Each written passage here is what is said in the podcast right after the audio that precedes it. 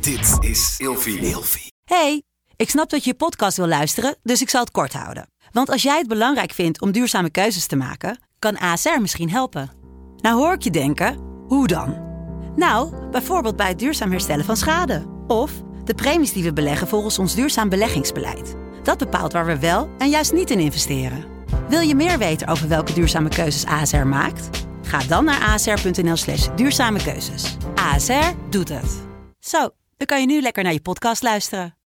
Eindeloos aan het woelen en draaien in de nacht en hou je je partner wakker? Het kan zomaar zijn dat je toe bent aan een nieuw bed. Gelukkig geeft Emma Sleep je nu 10% extra korting met de code RELATIEVRAGEN in hoofdletters. Op bijvoorbeeld de Emma Super Slaapbundel, waar je het bed gratis bij krijgt. Dus ga snel naar emmasleep.nl en bestel jouw bed. In deze podcast deel ik, Nienke Nijman, graag mijn gedachten met jou als seksuoloog en relatietherapeut. Waarom ze hier nu precies waren, wisten ze niet. Maar ze voelden dat ze in een nieuwe fase van hun relatie zaten, welke zowel heel comfortabel voelde als heel erg spannend. Het gekke voor hen is dat het vooral spannend voelt, omdat het zo comfortabel voelt. Was het dan toch mogelijk dat zij hun leven en hun liefde zo konden invullen? Als je het hen van tevoren had gevraagd, hadden ze je voor gek verklaard. Of althans, hij had dat gedaan. Zij hadden het nog overwogen of er vanuit een breder perspectief naar kunnen kijken. Het kunnen hebben van meerdere partners in je leven. En nu vinden ze zichzelf in een situatie waarin alles goed voelt. Samen zijn ze heel goed, dat merken ze in alles. Maar juist doordat ze samen zo goed zijn, kunnen ze ook belangstelling hebben voor andere mensen. Niet zomaar een heleboel mensen waarmee ze seks zouden hebben, maar voor een ander betekenisvol iemand met wie ze intieme momenten kunnen beleven. Vanuit hun liefde voor elkaar waren ze overeengekomen dat er ook ruimte was voor liefde voor een ander.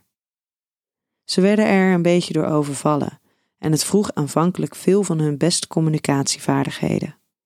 Maar nu voelt het goed. Dit voelde zo anders dan hoe ze het hiervoor om hen heen hadden zien gebeuren. Het aangaan van een relatie met vrijheden, uit angst de ander te verliezen. Dat hadden ze nooit begrepen en ook wel wat veroordeeld. Ze hadden gezien hoe dit juist de liefde tussen mensen op het spel zette, waarbij de liefde vrijwel altijd verloor.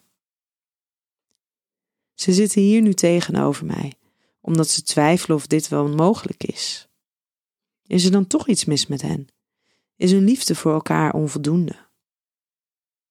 Toch bijzonder hoe je juist het gevoel van liefde, rust, stabiliteit en comfort en aan hun eigen liefde toe twijfelen.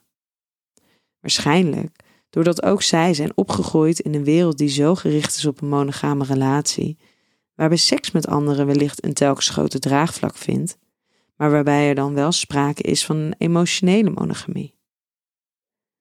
En naast hun eigen interne overtuigingen, normen en waarden, is daar natuurlijk ook nog het oordeel van anderen. Want hoe zouden zij erop reageren? Tijdens de gesprekken komen ze erachter dat zij hun liefde en seks mogen kleuren op een manier die zij zelf fijn vinden. Ze hoeven het niet met anderen te delen. Ze hoeven zich niet te verantwoorden. Het mag van hen blijven. De liefde tussen hen discrimineert niet. En ze kunnen ondertussen ook met nog meer overtuiging zeggen dat deze onvoorwaardelijk is. Ze kennen samen waarschijnlijk veel meer liefde dan dat al die mensen met een oordeel naar hen toe ooit zullen voelen. Met de code RELATIEVRAGEN in hoofdletters krijg je 10% korting bovenop de 50% korting die je nu krijgt op het bed dat ik bijvoorbeeld heb. Dus ga snel naar emmasleep.nl en bestel jouw bed.